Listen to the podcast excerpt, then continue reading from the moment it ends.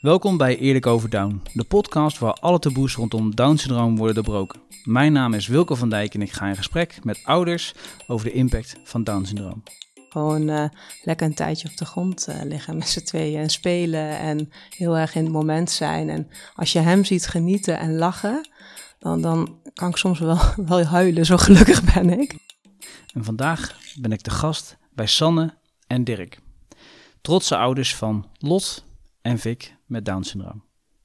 Vic, die is net drie jaar geworden. Vertel eens, is Vic net een gewone kleuter? Ja, Vic is, uh, is een gewone kleuter. Uh, ja, hij leert sommige dingen iets langzamer dan uh, Lot bijvoorbeeld deed. Mm -hmm. Maar nee, ik merk verder weinig verschil. Hij, hij doet zijn ding. Ehm, ja, hij is soms boos, hij is soms heel blij. Mm -hmm. Hij geeft goed aan wat hij wil. Um, ja, ik, uh, nee, ik zie weinig verschil. Dus, uh, het is gewoon echt net, net een kleuter. Ja, hij ja. gaat gewoon mee uh, in de flow. Ja. Ja, ja en het, is een, het, het lijkt net een normale kleuter. Er zijn natuurlijk wel verschillen, maar hij, wij hebben onze weg daarin gevonden samen met hem. Uh, de dingen die afwijken en die moeilijk zijn, daar vinden wij samen een weg in. En dat is echt uh, soms met vallen en opstaan. Ja. Maar um, ja, hoe ouder hij wordt, hoe beter je hem eigenlijk leert kennen en leert lezen. En wat, waar, waarin wijkt hij af? Uh, nou, Vic kan niet praten, dus het is lastig om met hem te communiceren. En um, we zijn nu bezig om hem gebaren aan te leren en hij begint er een paar te maken. Ja. Maar het is wel lastig om te bepalen van uh, waar hij mee zit en hoe we hem zouden kunnen helpen als er dingen aan de hand zijn. En dat, dat zijn dingen waar we tegenaan lopen en die we graag anders zouden willen zien. Maar um, ja, je, je begint hem beter te kunnen lezen en hij gaat nu wat dingetjes aangeven door uh, ergens naartoe te lopen en het vast te pakken of jou uh, uh, komt meer contact met jou, met ons te maken, zeg maar. Mm -hmm. Dus um, ja, je leert hem beter kennen en daardoor kun je wat makkelijker op hem inspelen. Ja, precies. Want um, Vic, nu drie jaar geworden, was het voor jullie ook bekend toen Vic geboren werd dat hij anders zou zijn, dat hij Down-syndroom zou hebben? Ja, ja, wij wisten het al heel vroeg in de zwangerschap. Ik denk, ja, bij twaalf weken zwangerschap hebben we de combinatietest gedaan. En um, toen hoorden we, geloof dat hij een kans van 1 op 32 had dat hij Down-syndroom had. En toen wist ik het eigenlijk al. Ik dacht 1 op 32 in mijn leeftijdsgroep, dan dat is echt wel een heel verhoogd risico. Mm. Dus um, ja, we zijn toen nog verder gaan testen, maar ja, eigenlijk die van binnen dacht ik toen al, oh, hij heeft gewoon Down-syndroom. En um, dat was gewoon best wel schrikken. En um, hè, je doet de test, maar je weet gewoon van tevoren niet.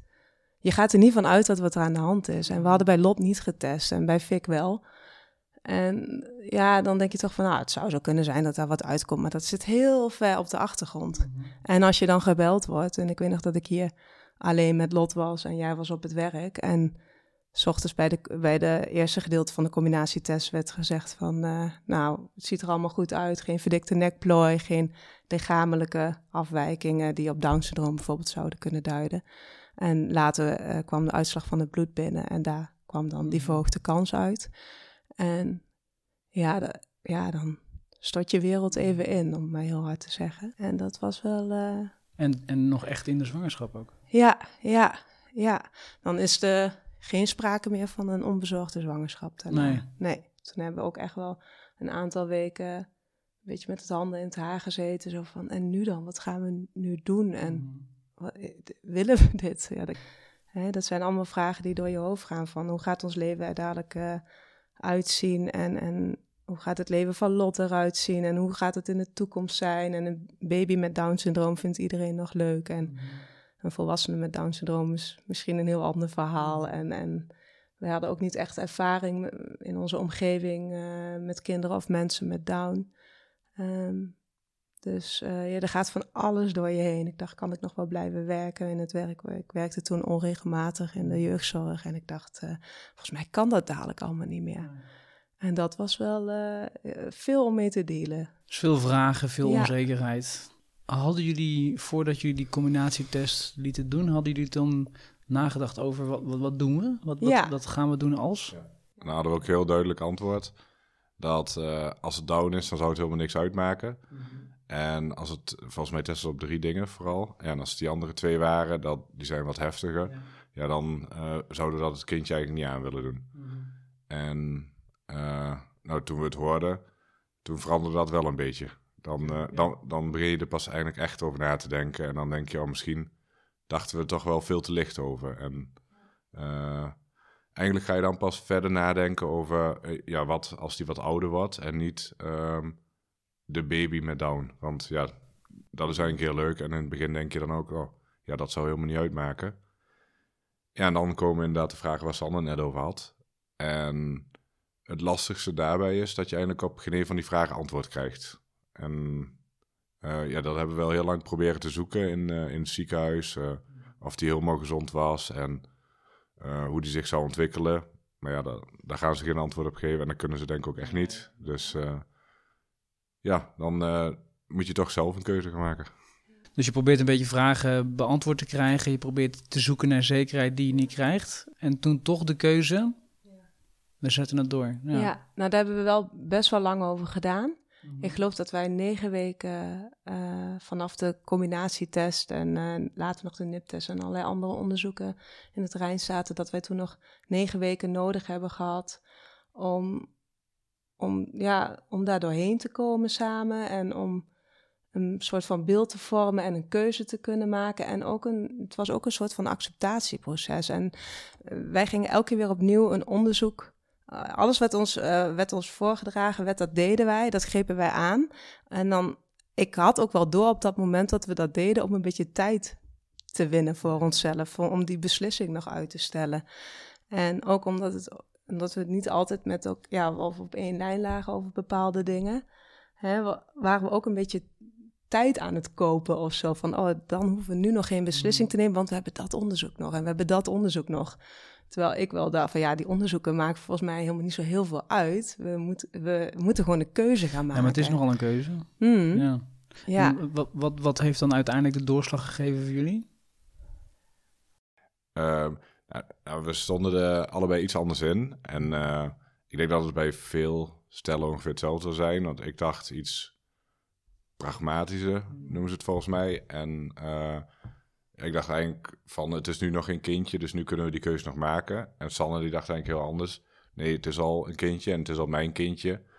Um, dus we, ja, we kunnen die keuze niet maken.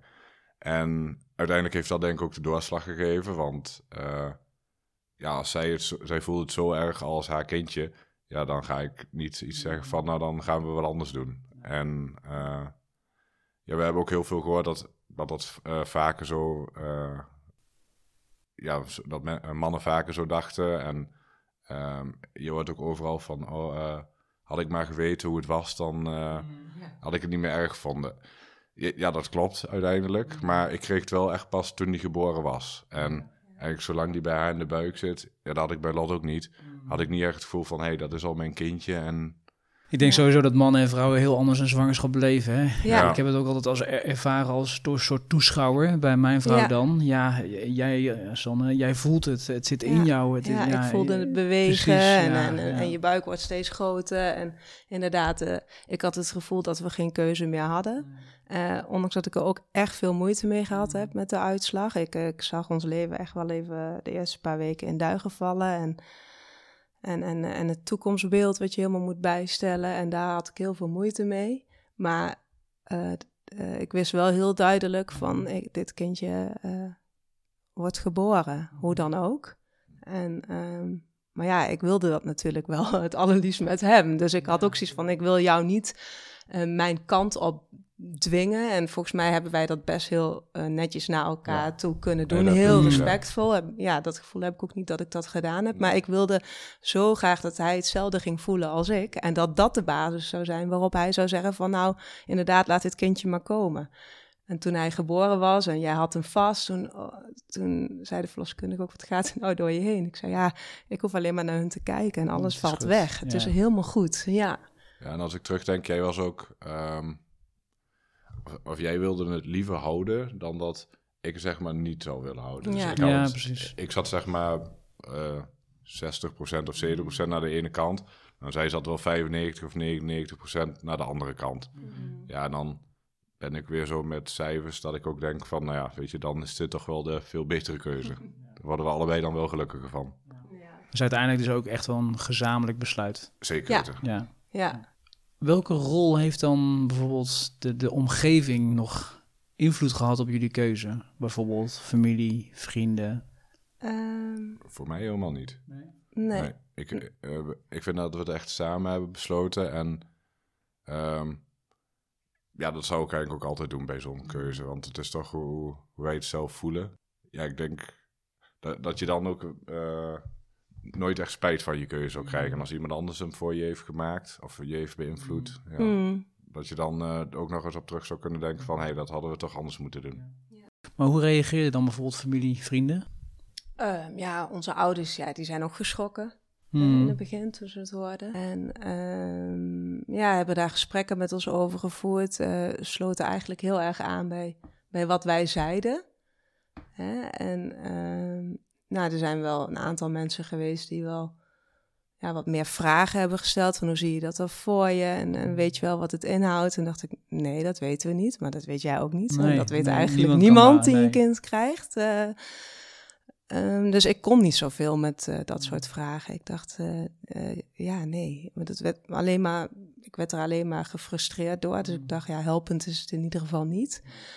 Ehm, en, maar ik had wel zoiets van, ik- het is vast met de beste bedoelingen. En mensen zijn ook, eh, eh, ja, misschien angstig en eh, onbekend maakt onbemind. Heb ik me maar de hele zwangerschap ingeprent. En ehm, ja, en eigenlijk over het algemeen heel erg veel steun gekregen. En ook van onze vrienden, maar ook van familie. Iedereen had zoiets van, ja, het is jullie keuze. En wat het ook is, wij zullen achter jullie staan. Dat was het. Ook als je een andere keuze maakt. Maar mijn ouders gaven wel heel, heel duidelijk aan van achteraf... van nou, we zijn blij met deze keuze. maar we hadden elke, elke keuze hadden we gesteund. Dus eh, ja. En Dirk, je gaf net aan, eh, toen ik Fik in de armen had, was alles goed. Dat gaf jij ook aan, Sanne. Wat, wat gebeurde er? Ja, ik weet niet. eh, ja, ik, ik weet niet of elke vader dat heeft, maar voor mij was het toen echt van: ja, kijk, dit is mijn kindje en, en nou is hij er echt. Dus eh, ja, dan ben je natuurlijk meteen verliefd op je eh, zoon in dit geval. Maar dat was bij Lottes ook. Dan, eh, ik zag haar en toen dacht ik van: ja, kijk, dit is mijn kindje. En ja, dan pakt niemand mij meer af. Maar hebben jullie het dan ook wel beleefd als een roze wolk, zeg maar? Hè? Die, die, die eerste dagen. Nou, de, ja, de eerste dag, anderhalve dag sowieso wel.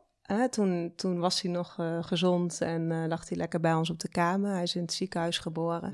En eh, toen lagen we gewoon op de, op de kraamafdeling in eerste instantie. Maar al vrij snel kwamen er wat complicaties bij kijken. Fik werd soms een beetje blauw rond zijn mond. En hij kon eigenlijk zijn voeding niet binnenhouden, die spuugde die uit. En hij had ook nog geen ontlasting na, een, na anderhalve dag of zo gehad. En die combinatie maakte dat hij toen met, een, eh, met een ambulance van het ene ziekenhuis naar het andere ziekenhuis is gegaan. Toen is hij naar Nijmegen gegaan. Ja, en dan word je heel erg geleefd die dagen. Dan, dan, daar lag hij op de high care omdat ze dachten dat iets met zijn darmen was. Achteraf eh, was het iets heel onschuldigs. Maar op dat moment eh, heb je eigenlijk wel meteen flinke zorgen. En toen, ja, al zei de kinderarts ook eh, achteraf tegen ons van eh, dat hij zich af en toe wel afvroeg of wij het wel helemaal meekregen wat er echt gebeurde, omdat wij heel nuchter overal op reageerden. En wij zeiden, nou, doe wat nodig is. Als je denkt dat hij naar Nijmegen moet, dan gaat hij naar Nijmegen. Weet je, wij, maar we hadden gewoon heel veel vertrouwen in de artsen. Dus we hadden zoiets van, ja, jullie weten het beter dan wij. Dus doe wat nodig is. En uh, ja, wij stonden daar vrij nuchter eigenlijk in. Omdat we volgens mij allebei wel het gevoel hadden... volgens mij komt het allemaal wel goed. Want hij is ja, niet heel erg ziek, zeg maar. Dat bleek dan in Nijmegen. En toen dacht ik, nou, over een paar dagen gaan we terug naar dat andere ziekenhuis. En vanuit daaruit gaan we naar huis. En zo ging het ook. Maar ik heb in die tijd uh, achteraf pas dat ik dacht... oh, er is heel veel gebeurd in die tien, eerste tien dagen... dat hij in het ziekenhuis uh, lag na de geboorte. Maar ik heb al die tijd uh, wel heel veel vertrouwen gehad in de artsen. En ik dacht, we zijn op de goede plek. En ik was blij dat we in het ziekenhuis waren.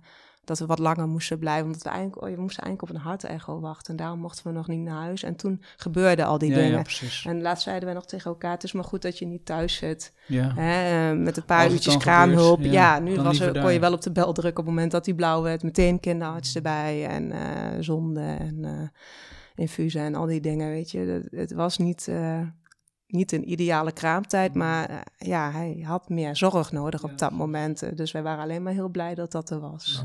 Maar na die tien dagen was het wel gewoon Ja. rooswal Ja. rooswalk, Ja. zoals die ja, normaal ook Zoals is. die ook bij Ja, Lot was, ja. Ja. Zeker weten. Ja, want Ja. hij is voor de rest dus ook kerngezond, Ja. als ik jullie goed begrijp. Ja. En, eh, ja, fijn. Ja. Dus geen hartproblemen, Nee. darmpjes, allemaal gewoon Nee. picobello.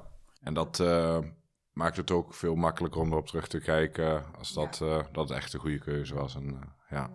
Wa- wa- wanneer is hij echt gaan lopen? Weet je dat nog van de echte datum dag? Want bij ons was het ook wel echt een bijzonder moment hoor, bij 2,5. Dat we dachten, wauw, wat gebeurt hier? Maar, Ja, eh, Ja, ik denk drie of vier maanden Da- daarvoor. Ja. Ja. ja, En toen elke keer aan de hand. Nou, hij begon in januari, februari aan de hand stapjes te zetten.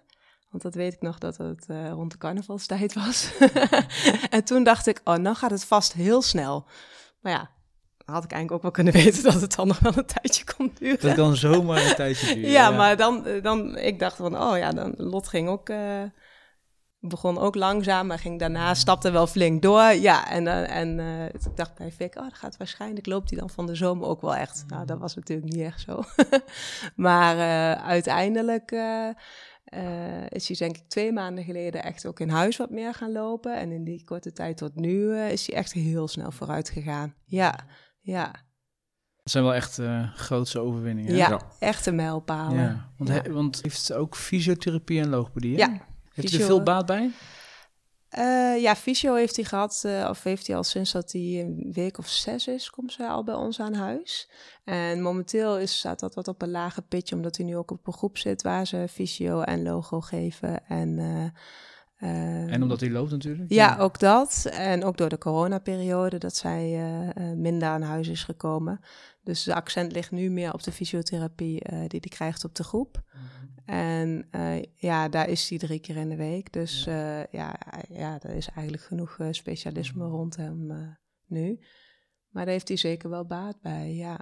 ja. Vic gaat naar een groep drie dagen in de week voor kinderen met een beperking. En ehm, hij is het enige kindje met het eh, syndroom van Down. Alle andere kinderen hebben andere soorten achterstanden.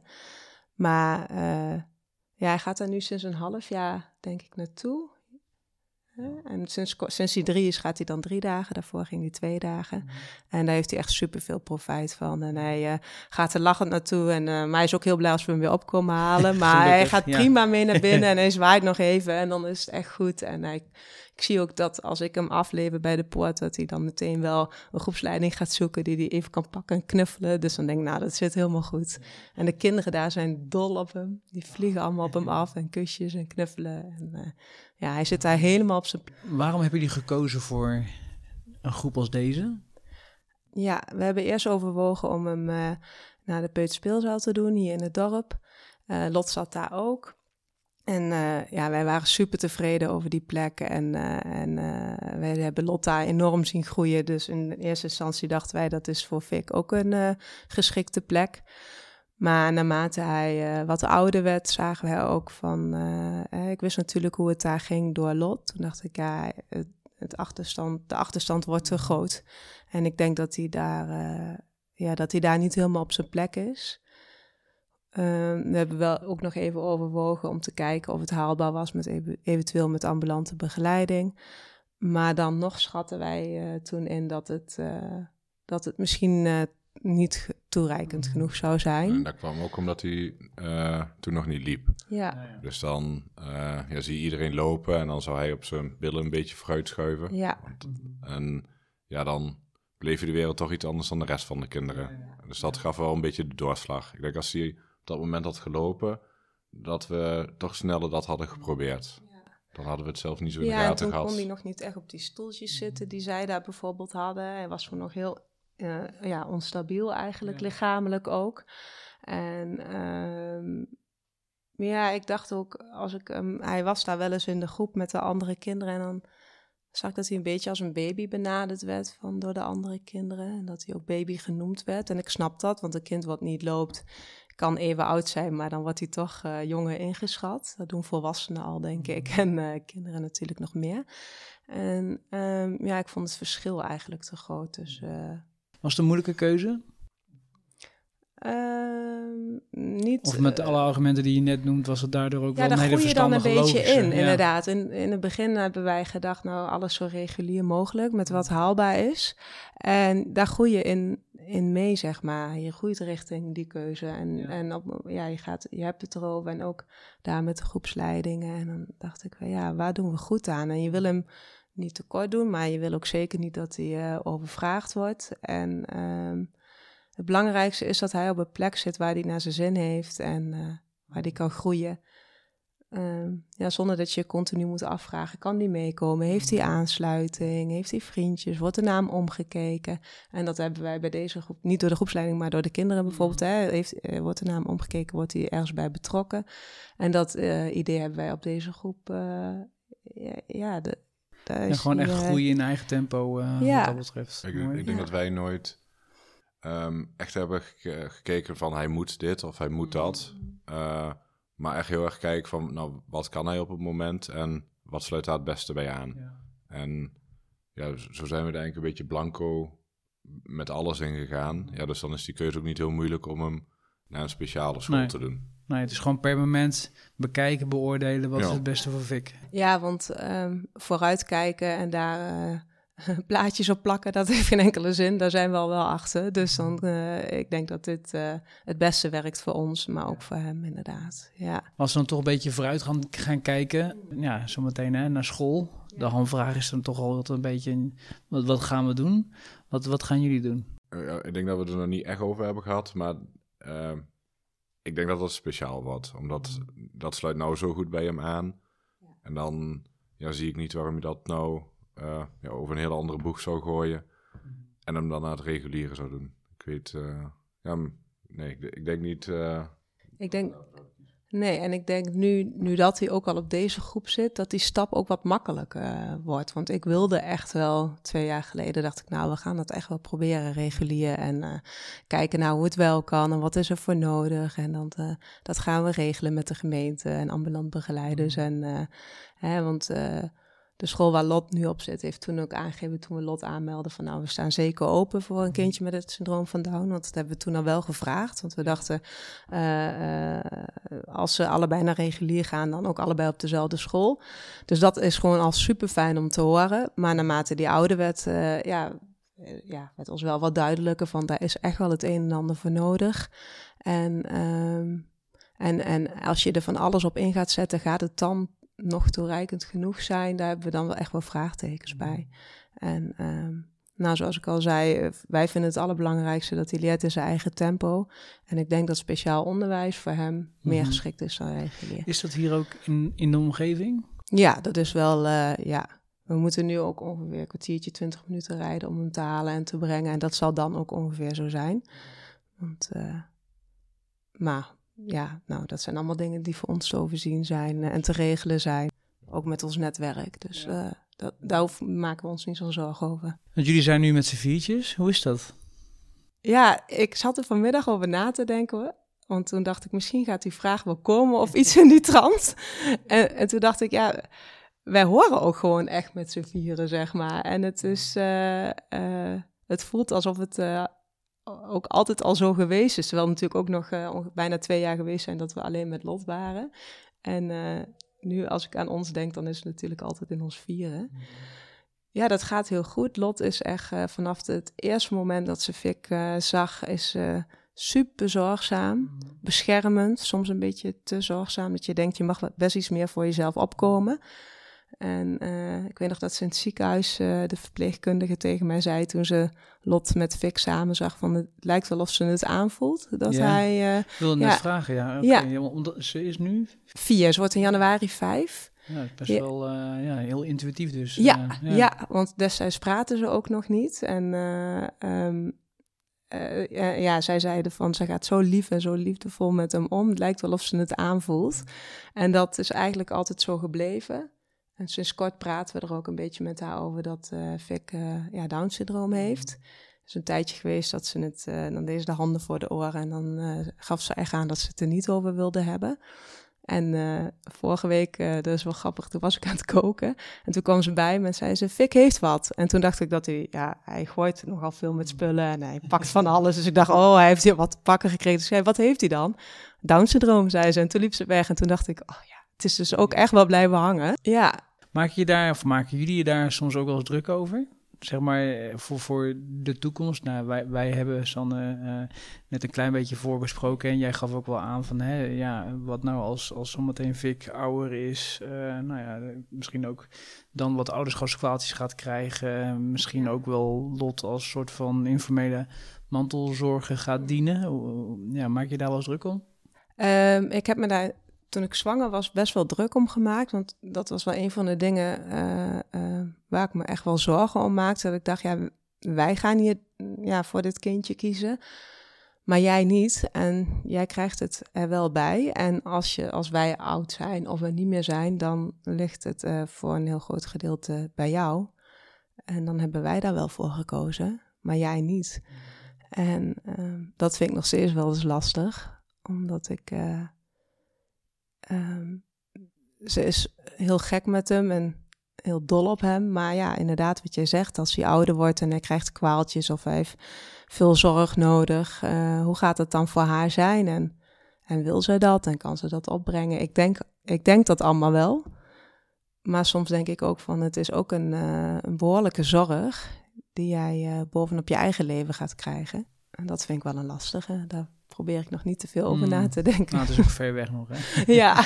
ook daar groei je denk ik ook alweer ja, in. Ja, en zij weet natuurlijk niet beter. En nu is het ook inderdaad allemaal nog, uh, wat we straks ook zeiden, hij is nog klein. En, maar hoe gaat het zijn als hij volwassen is? En, en hoe is een relatie dan? En, uh, maar goed, het is, onze insteek is wel, er is niks een verplichting naar haar toe. Zij is uh, zijn zus en alles wat zij kan en wil doen is super fijn. Maar um, ze hoeft het in principe niet te doen. Als zij zegt, uh, dit uh, kan ik niet of dit wil ik niet, dan, uh, en ik wil alleen ja, vanaf een bepaalde afstand of ik wil daarin geen voogd of iets dergelijks zijn, dan, dan, dan zullen wij dat ook echt respecteren. Hoe zie jij dat, Dirk? Ja, ja, ik maak me er iets minder druk om. En ja, net als bijna alles wat in de toekomst ligt, daar kun je niet echt voorspellen. En wel wat Sanne, waar ik wel mee eens ben, is ja, zij, het is geen verplichting. Dus zij moet dat helemaal zelf weten. Mm. Maar ja, dat zien we over 16 jaar wel. Uh, dat, uh, ja, daar kunnen we ons nou wel zorgen om maken. Maar het gaat toch anders zijn dan uh, wij het helemaal voor ogen hebben. En dan of dat in positieve of negatieve zin is, ja, dat zien we dan wel. En 16 jaar, joh. Hè? Ja. We, hebben, we hebben het over. ja. Maar goed, met z'n vieren echt wel een fijn gezinnetje. Ja, ja. Zeker ja. Mooi. En ook leuk dat ze zo dol op, uh, op elkaar zijn. Ja, ja dat gaat supergoed. Ja, fijn. Ja, Lotte zegt uh, iemand uh, die denk ik 30 of 40 keer op een dag naar hem toe loopt en hem even een aai over de bal geeft. Dus waar hij ook zit en hem zie je al vaak zo van, ja, nou weet ik het wel. Laat me even rust. ja, dat, ja, ja, van afstand is het heel grappig om naar ze te kijken. Als je een fix zou omschrijven, want ik hoor Lot is, is zorgzaam en, en voor mij heel sociaal, heel liefdevol. Hoe is Fik? Hoe zou je Fik omschrijven? Wel een beetje hetzelfde, iets minder zorgzaam, want daar, daar heeft hij niet echt uh, oog voor. Hij vindt het fijn om, om vooral verzorgd te worden. Precies, ja. ja. Maar hij, uh, ja, hij, hij, is echt een knuffelbeertje. Hij, uh, hij komt je soms zomaar een knuffel geven. Als hij je ziet zitten op de bank, dan denkt hij, oh, daar ga ik heel even bij zitten. Ja. En dan soms is het maar drie seconden en dan denkt hij ook, ik moet weer verder. Ja. En ja, hij is wel, of hij wordt heel ondernemend nu. Ja. En ja, hartstikke lief natuurlijk. Dat dat is wel echt fik. Ja, iedereen die hem ziet, die uh, ja. lijkt wel eens een beetje smelt of dat ze een beetje verliefd op hem worden. Ja, dat, heel uh, ontwapenend. Ja. ja. leuk. En dat zie je wel. Dat is ik hoor nu alleen maar hele, hele fijne, leuke dingen. Het ook een beetje een boefje. Ja, ja. ja. ja. en wat het is, uh, dat, tenminste dat merk ik altijd aan mezelf. Er zijn, de, nu is hij heel relaxed en ontspannen en nu komt hij knuffelen en kussen. Maar hiervoor zijn een aantal weken best wel pittig geweest. Uh, dat hij uh, dat veel minder liet zien, ook minder behoefte aan had. En wat bozige buien had, of gewoon bozige basisstemming, vond ik eigenlijk. En ook wel wat agressie eh, liet zien. Ehm, meestal, als je erin zit, dan denk je echt, hoe komen we hier nou weer doorheen? En waarom, hè, wat we ook doen en corrigeren, het helpt allemaal niet. En hoe kunnen we hem bereiken? als je erin zit, dan dan voel je dat weer veel meer. Nou is die periode weer voorbij en dan, dan denk je aan hoe die vandaag was of hoe die gisteren was. en dat is dan weer, dan ben je het al bijna weer, ja, en terwijl het pas sinds twee, tweeënhalve week weer zo relaxed is, zijn het daarvoor, vond ik het in ieder geval best wel pittige weken, dat ik af en toe dacht van, uh, hoe lang gaat dit nog zo duren, want hij is zo moeilijk te bereiken. Hè, dat hij, als ik hem pakte, wilde die ook niet knuffelen, maar kreeg ik uh, een klap in mijn gezicht. En, uh, want dan, ja, hij is best wel sterk, dus als die ja, als hij dat in zijn hoofd krijgt, dan moet je gewoon echt ja, wel oppassen. En, en Lot ook wel. En, um, maar meestal, dat duurt een aantal weken. En eigenlijk terugkijkend kunnen we ook wel zeggen, en hebben andere mensen me ook wel op gewezen, van dat heeft hij, in, dat heeft hij terugkerend. En daarna kan hij altijd weer iets nieuws. Hè? Dus het is soms van, uh, ja, zo'n sprongetje of zo. Dan heeft hij echt het even pittig. Ja, zelf uh, ook. Ja, hij zelf ook, want hij is dan ook echt wel... Ik vind hem dan ook anders uit zijn ogen kijken. En dan daarna dan heeft hij uh, ja, echt dan, Ja, dan, toen ging hij bijvoorbeeld beter lopen. Ja, ja en, en daarna ging hij ook wat meer met ons uh, proberen te communiceren... door dingen te laten zien die hij dan wilde. En dat was daarvoor nog niet. Mm -hmm. En in die boze periode helemaal niet. Het was alleen maar met dingen gooien en aan jaren trekken en je slaan. En gewoon dat je dacht, je kan eigenlijk niet even naar het toilet. Dan zet ik hem daar in die stoel, want anders dan weet je niet wat er nee, nee, kapot precies. is als je terugkomt. Ja.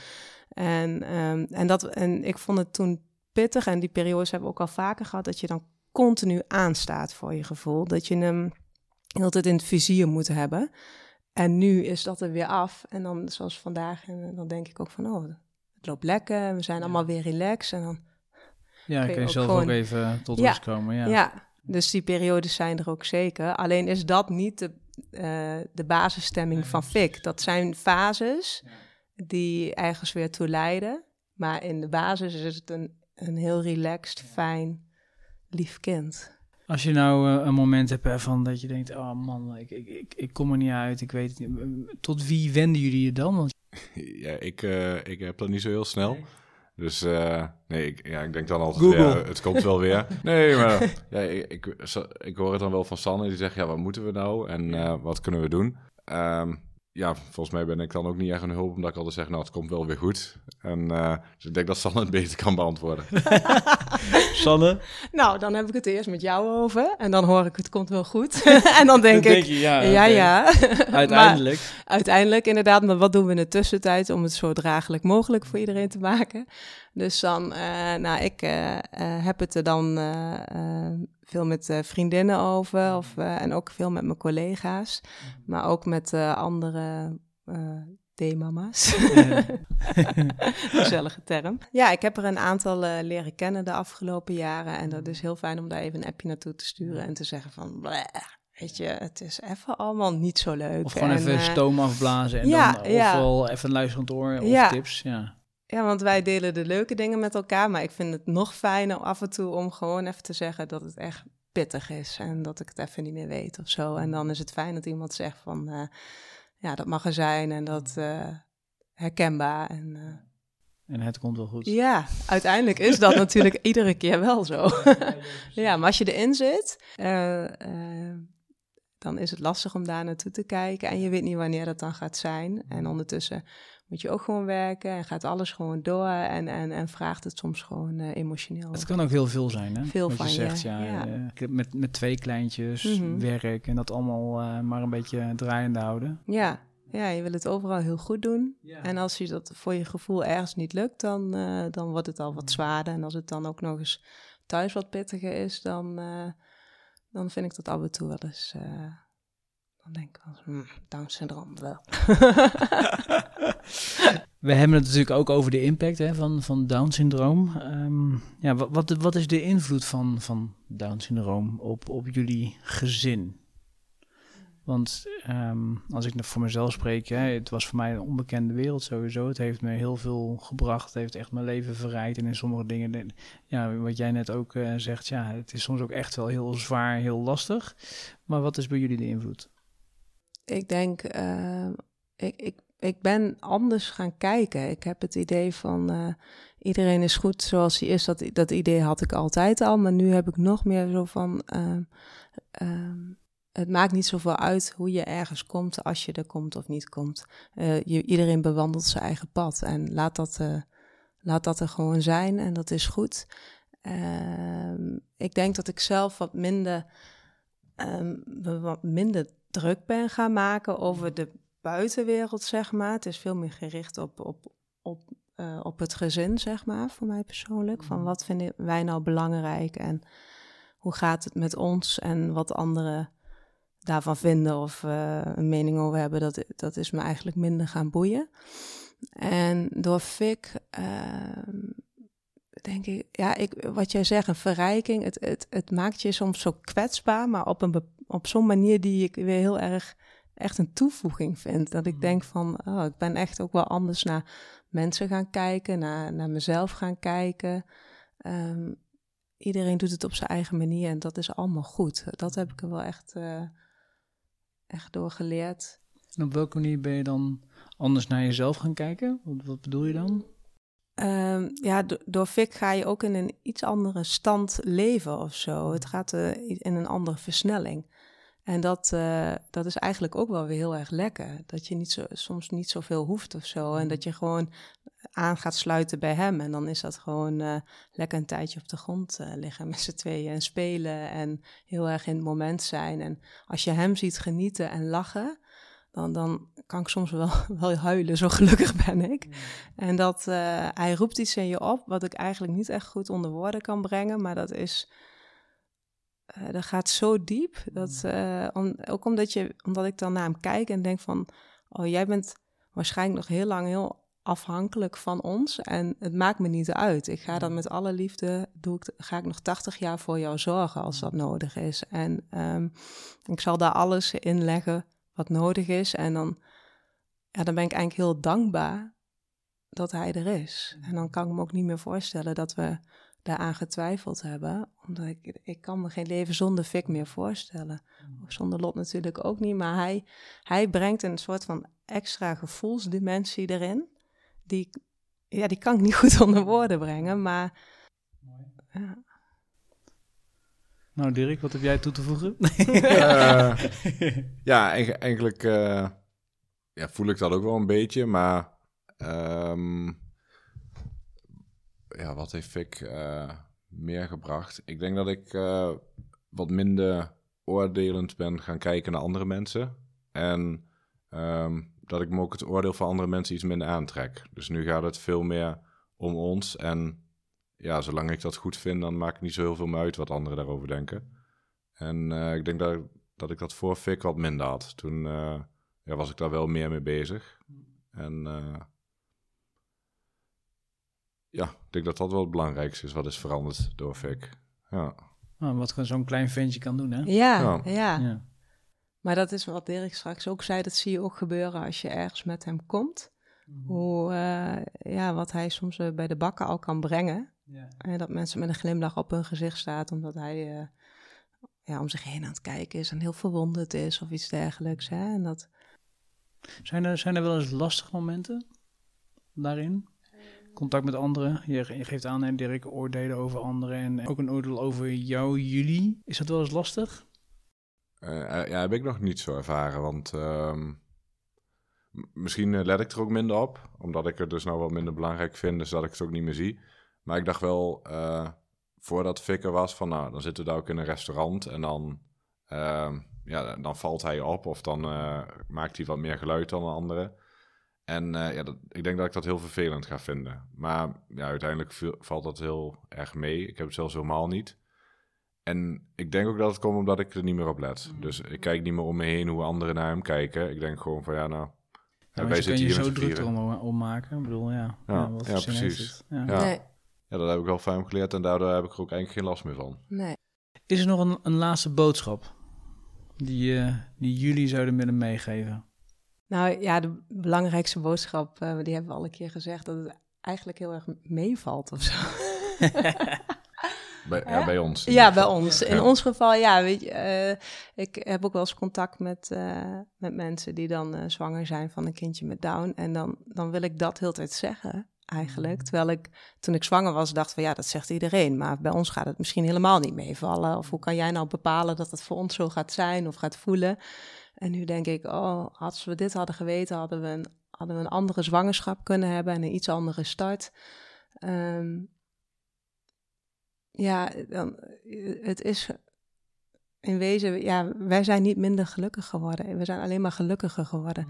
Dus eh, waar ik zo bang voor was, van oh, ons leven staat dadelijk op ons, op ons kop, eh, op de kop en eh, we zijn minder gelukkig.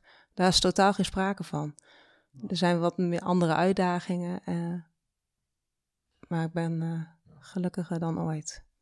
Maar, maar stel dat eh, geen down had gehad, dan waren er waarschijnlijk ook uitdagingen geweest. Ja. En andere, dus ja, hij is gewoon eh, net als ieder ander kindje. Ja, het is zoals het is en Ja. daar deal je mee. En eh, soms sta je voor uitdagingen, soms gaan dingen waar je tegenop ziet gaan, eh, gaan weer super makkelijk.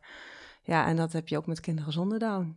Ja, Ja, en ik denk ehm ze ook gewoon inderdaad kind laten zijn, wat we in het begin zeiden. Dus eh Vic ook een beetje zijn eigen gang laten gaan en het gaat allemaal anders. En ja, ik denk dat het bij kinderen met Down nog iets meer anders gaat dan bij normale kinderen. En eh, ja, dat je ze dat ook gewoon moet geven. Dus hij, eh, hij heeft meer tijd nodig. Ja, maar dat is ook echt helemaal niet erg. ja, en dat het ook gewoon mag zijn zoals het is. Als je het moeilijk hebt, dan, dan is dat ook oké. En als je ehm, moeite hebt met, eh, met de diagnose Down, dan, dan mag dat ook. Daar hoef je niet voor te schamen. Dat betekent niet dat je niet van je kind houdt. Of, eh, maar dat is gewoon omdat dingen gewoon eh, soms inderdaad in het begin onbekend kunnen zijn. En dat je niet zo goed weet wat er op, op je afkomt. En nu ook nog in deze fase, eh, dat je er soms van baalt. Nou, dat is helemaal geen schande, dat mag gewoon.